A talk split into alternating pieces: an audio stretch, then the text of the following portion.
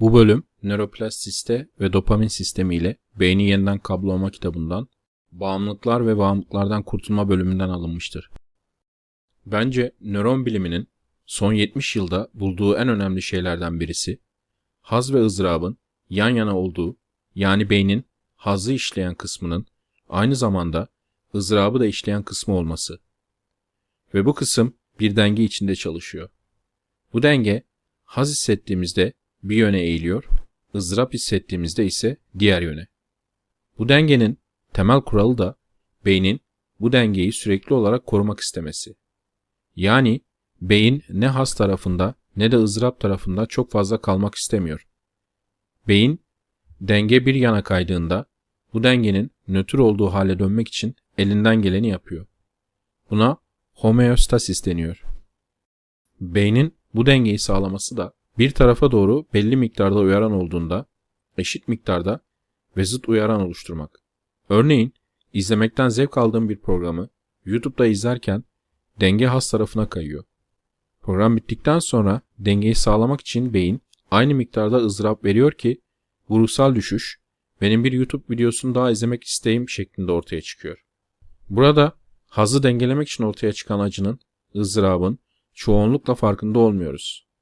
Bu gerçekten dikkatimizi vermediğimiz sürece bilinç seviyesinde olmuyor. Buna dikkat ettiğimizde, buna dikkatimizi vermeye başladığımızda ise gerçekten farkında olabiliyoruz. Örneğin sosyal medyadasınız, çok hoşunuza giden bir tweet görüyorsunuz. O andan sonra sosyal medyayı bırakamıyorsunuz. Zira bıraktığınızda bir çeşit ızdırap duyacağınızı biliyorsunuz. Bu ızdırap fiziksel bir acı değil de ruhsal düşüş, bir şeyin eksikliği ya da daha fazlasını istemek şeklinde hissediliyor. Bu ızdırapla savaşmanın bir yolu haz veren şeyden daha fazla yapmak ve daha fazla yapmak. Bunun farkında olmanızı istiyorum.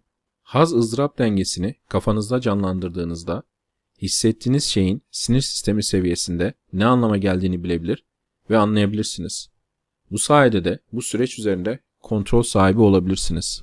Yapmamız gereken şey de bu süreci kontrol altında tutmak. Bir süre sonra bu has kaynağından kopmamız lazım. Zira sürekli olarak has kaynağına bağlı olamayız. Yapmamız gereken başka şeyler var. Ama aynı zamanda ızdıraptan kaçmak için bu şekilde haz deneyimini sürekli olarak yapmanın ciddi yan etkileri de var. Bağımlılık yapıcı davranış ya da maddelerin temel özelliği, ödül sistemimizde çok fazla miktarda dopamin salgılanmasına neden olmaları.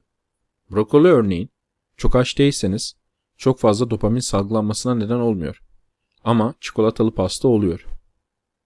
Dopamin seviyesi zirve yaptığında beyniniz dengeyi sağlamak için dopamin alıcılarınızı kısar. Bu olduğunda da kendimizi ruhsal olarak kötü, haz veren şeyden daha fazlasını istiyor olarak buluruz. Eğer biraz beklemeyi becerebilirsek bu his geçecektir. Zira dopamin seviyemiz ortalama seviyesine yeniden çıkacaktır. Ama beklemezseniz ve sürekli olarak haz veren şeye dalarsanız sonunda ızdırap tarafına o kadar çok ağırlık koyarsınız ki beyniniz haz ızdırap dengesini yeni bir noktada kurar ve bu da haz alamama durumu tarafına yatkın bir yeniden dengeleme olur. Bu durum dopamin yoksunluğu durumudur.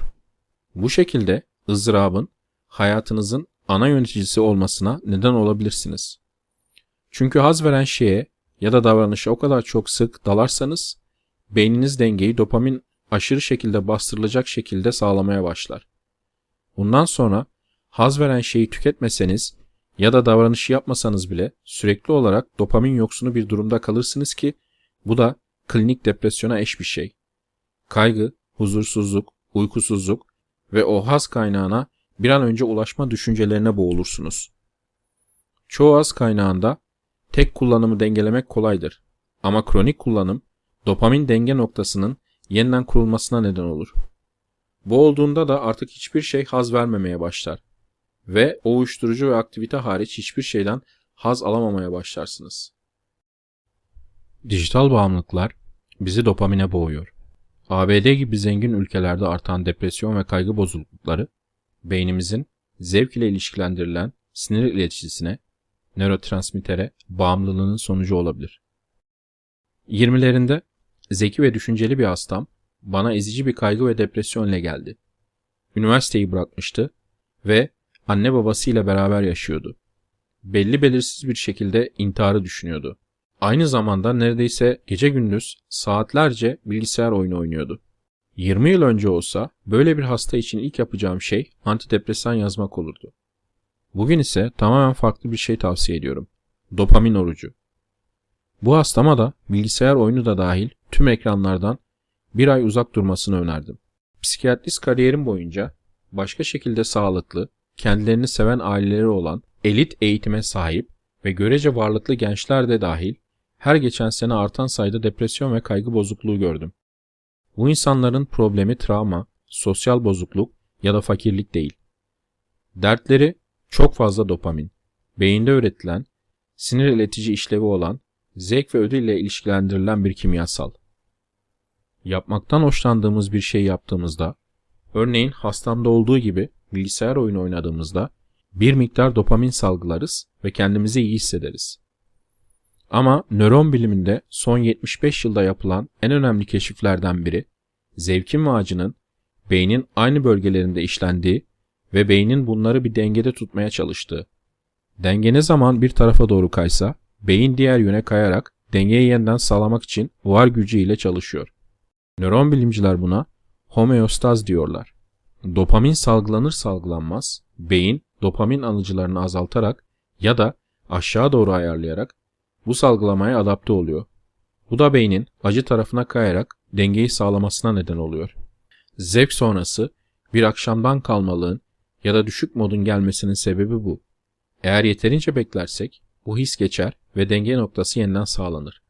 Ama insanlarda beklemek yerine bu hissi zevk kaynağına giderek yeni bir doz ile yok etme gibi doğal bir eğilim var. Bu döngüyü her gün saatlerce, haftalarca ya da aylarca tekrarlarsanız beynin zevk için kurulduğu nokta değişir. Bu aşamadan sonra zevk almak için değil, sadece normal hissetmek için bilgisayar oyunu oynamaya başlarsınız. Oyun oynamayı bıraktığınızda madde bağımlılığının evrensel yoksunluk sendromlarını de deneyimlersiniz. Kaygı, sinirlilik, uyuyamama, cinsiyet karışıklığı, disforia ve bağımlılık yapan madde kullanımı ile ilgili zihinsel meşguliyet yani şiddetli arzu.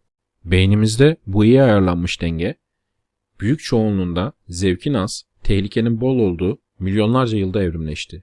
Bugün problem şu ki biz artık böyle bir dünyada yaşamıyoruz. Şu an bolluğa boğulmuş şekilde yaşıyoruz. Yüksek derecede takviye edici uyuşturucu ve davranış çeşitliliği, miktarı ve etkinliği hiçbir zaman bu kadarki kadar olmadı. Şeker ve uyuşturucu gibi bağımlılık yapan maddelerin yanında daha sadece 20 yıl öncesine kadar var olmayan elektronik bağımlılıklar da eklendi. Mesajlaşma, tweet atma, internette gezinme, online alışveriş ve kumar gibi. Bu dijital ürünler patlayan ışıklar, kutlayıcı sesler ve beğenmeler ile daha büyük ödülün bir tık ötede olduğu algısı yaratarak özellikle bağımlılık yapacak şekilde tasarlanıyorlar.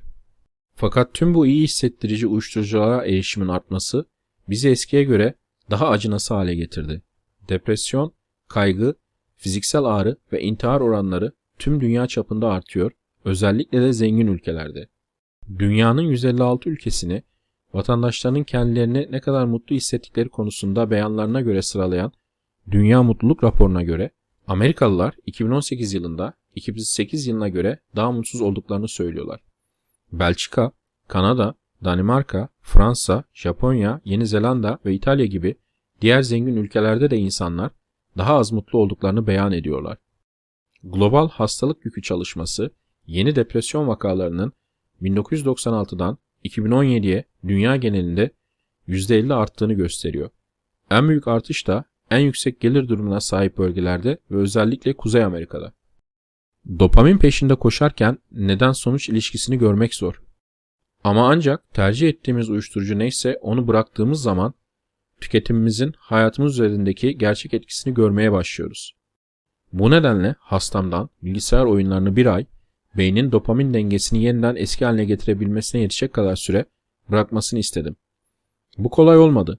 Ama hastam kısa vadede kendisini iyi hissetmesine sağlayan şeyden uzaklaşarak uzun vadede daha iyi hissetmesini sağlayabileceğimiz gibi mantığa aykırı bir fikri denemek için oldukça motiveydi. Bu bir aylık sürenin sonunda yıllardır hissetmediği kadar iyi hissettiğini, daha az depresyon ve kaygı bozukluğu yaşadığını gördü. Bu da hastamı oldukça şaşırttı. Haftada iki günden fazla olmayacak ve o günlerde de sadece iki saat olacak şekilde oynayarak negatif etkilerine maruz kalmadan bilgisayar oyunlarına dönmeyi bile başardı. Bu şekilde beyni dopamin dengesini yeniden kurmak için yeterli süreye sahip olabiliyor. Aşırı sarıcı yani bir başladı mı bırakamadığımız bilgisayar oyunlarından uzak duruyor. Bir okulda kullanacağı bir de oyun oynayacağı iki ayrı dizüstü bilgisayarı ayarladı ve böylece oyun ve çalışma birbirinden fiziksel olarak ayrıldı ve son olarak da sadece arkadaşlarıyla oyun oynamaya başladı ve yabancılarla oyun oynamayı bıraktı. Böylece oyun oynadığı zaman arkadaşlarıyla bağlarını da güçlendiriyor. İnsan bağı kendi başına güçlü ve uyumsal bir dopamin kaynağı. Herkes bilgisayar oyunu oynamıyor. Ama hemen hepimizin tercih ettiği bir dijital uyuşturucu var. Ve bu uyuşturucu muhtemelen fişe takılı neslin şırıngası olan cep telefonu üzerinde.